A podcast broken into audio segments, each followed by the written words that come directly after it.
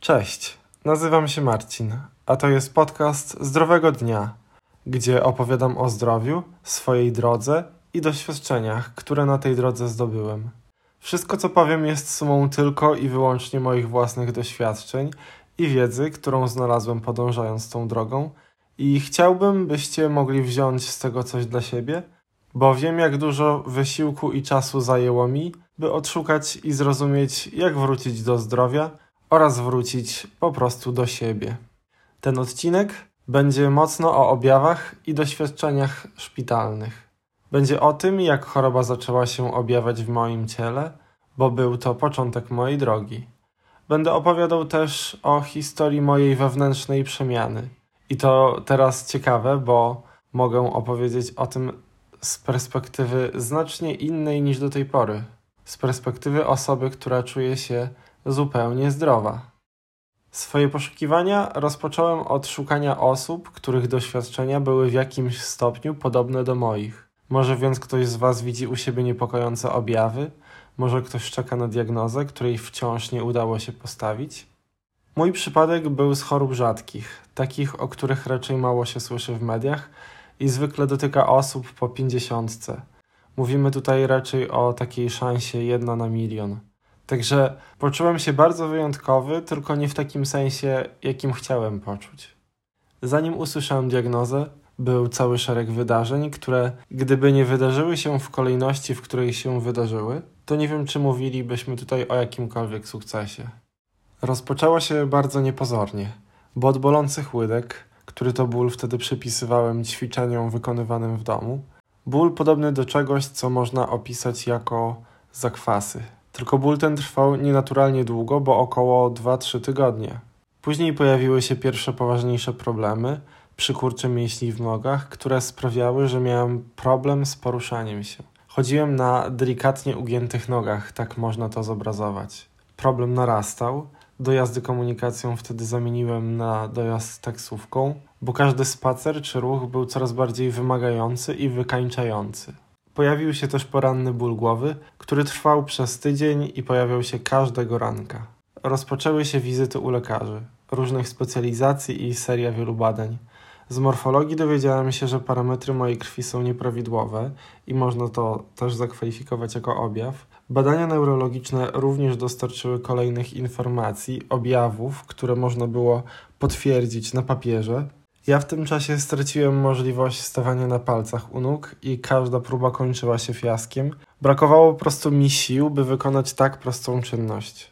Trafiłem do szpitala, gdzie rozpoczęła się diagnostyka, szereg wielu ciekawych badań takich chociażby jak badanie nerwów poprzez wbijanie w mięśnie bardzo cienkich igieł, takich porównywalnych do igieł akupunkturowych i nasłuchiwanie dźwięku przewodnictwa oraz sprawdzanie jak szybko nerwy przesyłają impulsy.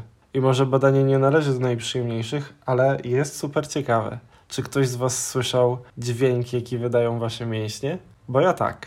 Najpierw zdiagnozowano mi chorobę autoimmunologiczną zwaną CIDP chorobę, która niszczy nerwy, a raczej mielinę nerwową, przez co nerw nie jest w stanie przesyłać impulsy do mięśni. Stąd brak bodźców w mięśniach skutkuje ich dalszym zanikiem.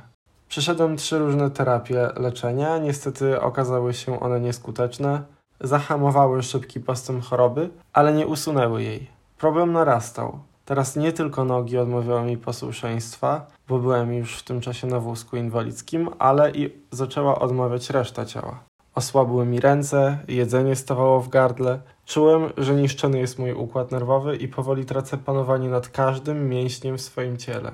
Nastąpił ponowny powrót do szpitala, w tym wiele rozmów z lekarzami oraz kolejna seria badań. Doprawdy miałem to fenomenalne szczęście, że trafiłem na cudownych lekarzy, którzy nie dość, że mieli ogromną wiedzę, to jeszcze nie bali się jej kwestionować, szukać, pytać, rozmawiać. Lekarzy, którzy bardzo jasno i otwarcie informowali o wszystkich przypuszczeniach, krokach i procedurach. Kolejna diagnoza okazała się znacznie poważniejsza zespół POEMS. Brzmi to bardzo poetycko. Każda litera oznacza jakąś chorobę, czy nazwijmy to przypadłość. P jest od polineuropatii, czyli poprzednia diagnoza nie była zła, Ona po prostu nie uwzględniała pozostałych kwestii. Oto organomegalia, czyli powiększone organy, w moim przypadku była to wątroba oraz śledziona. E to endokrynopatia, czyli zaburzenia hormonalne. M białko monoklonalne wykrywane we krwi. S zmiany skórne. Tych ostatnich jako jedynych nie wykryto u mnie. Zespół POEMS, prócz niszczenia układu nerwowego, atakuje również narządy, organy, może doprowadzić do pęknięć kości, zbyt gęstej krwi, stąd na przykład bóle głowy. Ogólnie doprowadza do całkowitego rozpadu. Możliwości leczenia nie ma zbyt wielu, bo sama choroba jest na tyle rzadka, że nie ma relatywnych statystyk i odniesień do literatury i realnych doświadczeń, ale przeprowadza się procedurę przeszczepienia komórek macierzystych poprzedzonych wysoką dawką chemii.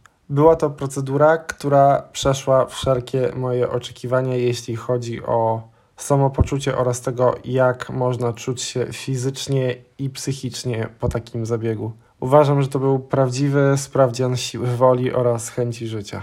Po wszystkich tych terapiach nadszedł czas wyczekiwanej rekonwalescencji. Etap, kiedy to rozpoczęła się prawdziwa walka o powrót do zdrowia, ale takiego pełnego, w pierwszej kolejności o powrót do mobilności. Walka ze wszystkimi ograniczeniami, które wtedy miałem i czułem w swoim ciele. Teraz dostałem nowe ciało, które mogę nauczyć wszystkiego od nowa.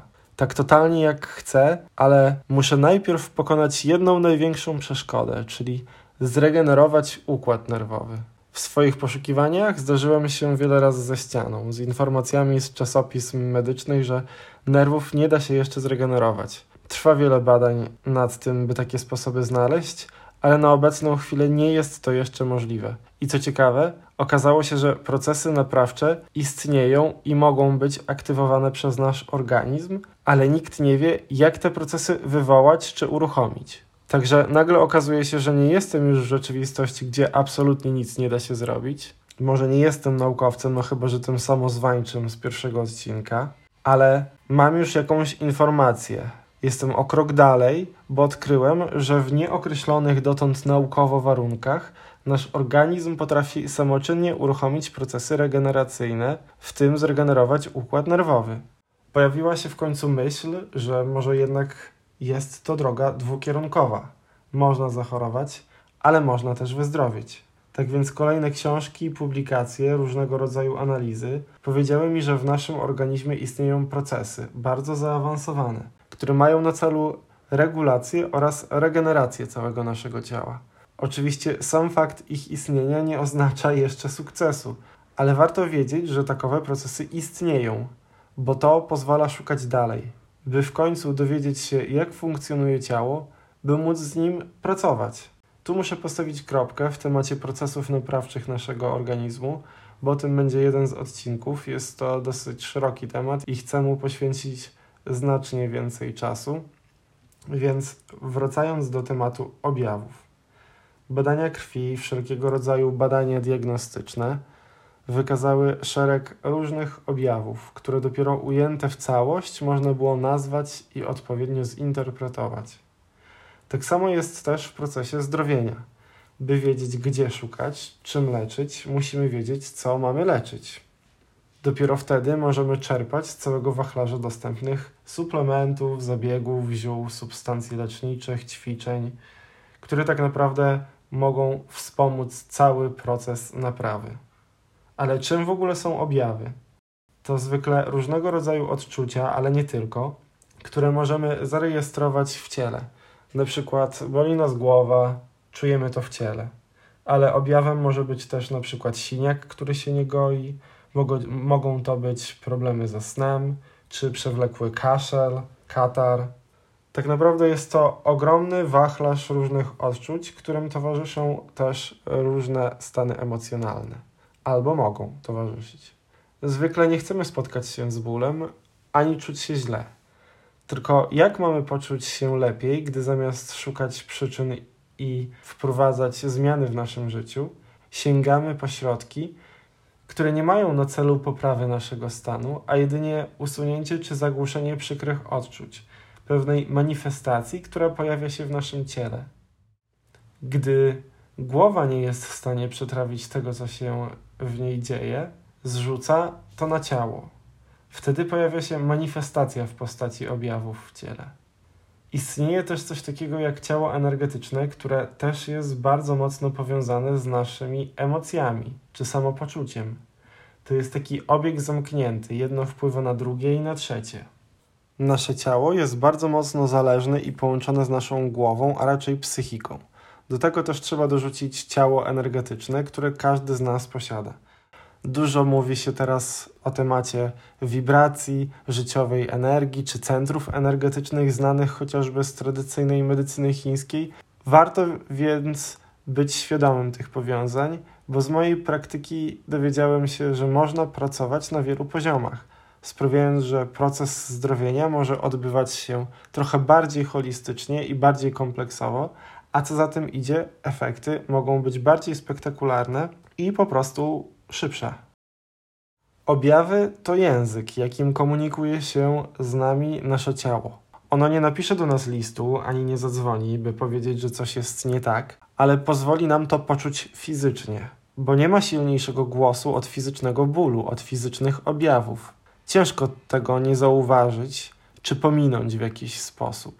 W naszej kulturze albo też w naszych obecnych czasach jesteśmy nauczeni, że nie warto jest mierzyć się z bólem, a raczej jest to coś bardzo niechcianego, nieoczekiwanego, a my sami unikamy tego za wszelką cenę. Tylko jak chcemy być zdrowi, kiedy nie chcemy słuchać swego ciała? Nie chodzi o to, by teraz rezygnować z różnego rodzaju tabletek, oddawać się bólowi, ale o to, by zacząć korzystać z tego, co mówi do nas ciało. O to, by powoli poznawać to ciało, uczyć się z nim komunikować, być partnerem, który chce, by funkcjonowało ono najwydajniej, jak najlepiej. Mój organizm od dawna mówił mi, że dzieje się z nim coś nie tak. Najpierw bóle nóg, mięśni, bóle głowy, złe parametry krwi, zły sen, gorsza samopoczucie. Problemy nie pojawiły się z dnia na dzień, tylko zwykle obserwujemy, że najpierw pojawiają się delikatne sygnały, zanim rozwiną się one w poważną chorobę. Oczywiście są choroby, które pojawiają się z dnia na dzień, ale wciąż. Zwykle da się zaobserwować choć drobne, malutkie zmiany, które sprawiają, że czujemy się jakby inaczej. Coś się zmieniło. Tak więc nie musimy czekać do ostatniej chwili, bo ignorowanie tych sygnałów czy tłumienie ich zwykle kończy się tym, że czujemy się coraz gorzej i w końcu albo lądujemy na L4, albo w szpitalu. Chciałbym Was zapytać, czy z biegiem czasu czujecie się lepiej, czy może gorzej? U mnie był czas, kiedy w pewnym momencie poczułem, że właściwie to nie pamiętam, jak to jest czuć się dobrze. I może to zabrzmiało trochę dramatycznie, ale chodzi mi o to, że w sumie uświadomiłem sobie, że zamiast czuć się lepiej, czuję się coraz gorzej i jest tak już od dłuższego czasu. I to tak długiego, że stało się to normą. Złe samopoczucie, zmęczenie, ciągły ból głowy czy cokolwiek innego nie jest ani nie powinno być normą. To stan, w którym nasz organizm alarmuje nas, że dzieje się coś nie tak i powinniśmy się temu przyjrzeć. W większości przypadków można zauważyć pierwsze objawy, więc to ważne, by pozwolić sobie je czuć, by pozwolić sobie obserwować ciało, by nie próbować go zagłuszyć, tylko poczuć. Dopiero wtedy możemy nawiązać z nim relacje i pracować. Ciało nam mówi, my reagujemy. Zacznijmy od swoich objawów i przyglądajmy się im. Szukajmy, jak możemy naprawić, poprawić nasz stan. Wraz z większą świadomością objawów, obszarów do poprawy, pojawią się przestrzenie do poszukiwań rozwiązań. Ja miałem to szczęście, że gdy trafiałem na informacje, które miały pomóc mi odzyskać zdrowie, to trafiałem też na ludzi, którzy dawali mi narzędzia do pracy. Pozornie niewielka rzecz nagle odsłoniła przede mną wachlarz coraz większych możliwości, a każda ta malutka kropla sprawiała, że moje ciało powoli odzyskiwało siły do tego, by zacząć regenerować mój organizm. Każda nawet najmniejsza zmiana okazała się zmianą na dobre, która dodawała mi coraz więcej sił do dalszych poszukiwań i walki o swoje życie. O tych wszystkich sposobach dowiecie się właśnie z tego podcastu, bo powstał on po to, by dawać ludziom moc do kreowania swego życia. Weźmy życie i swoje zdrowie we własne ręce, bo nie musimy być tylko obserwatorami. My naprawdę mamy moc kreowania. Tutaj zbliżamy się do końca odcinka. Wiem, że było dużo o mnie i moim pobycie w szpitalu, ale mam wrażenie, że gdybym o tym nie opowiedział, ta historia nie byłaby pełna. W kolejnych odcinkach będzie więcej o moich sposobach, o podstawach powrotu do zdrowia. Będzie więcej przydatnej rzeczy, które będziecie mogli zastosować u siebie lub sprawdzić, czy one Wam w ogóle pasują. Tak więc przyglądajcie się swoim objawom, obserwujcie, co możecie zmienić i poprawić, by czuć się lepiej. I zdrowego dnia. Cześć.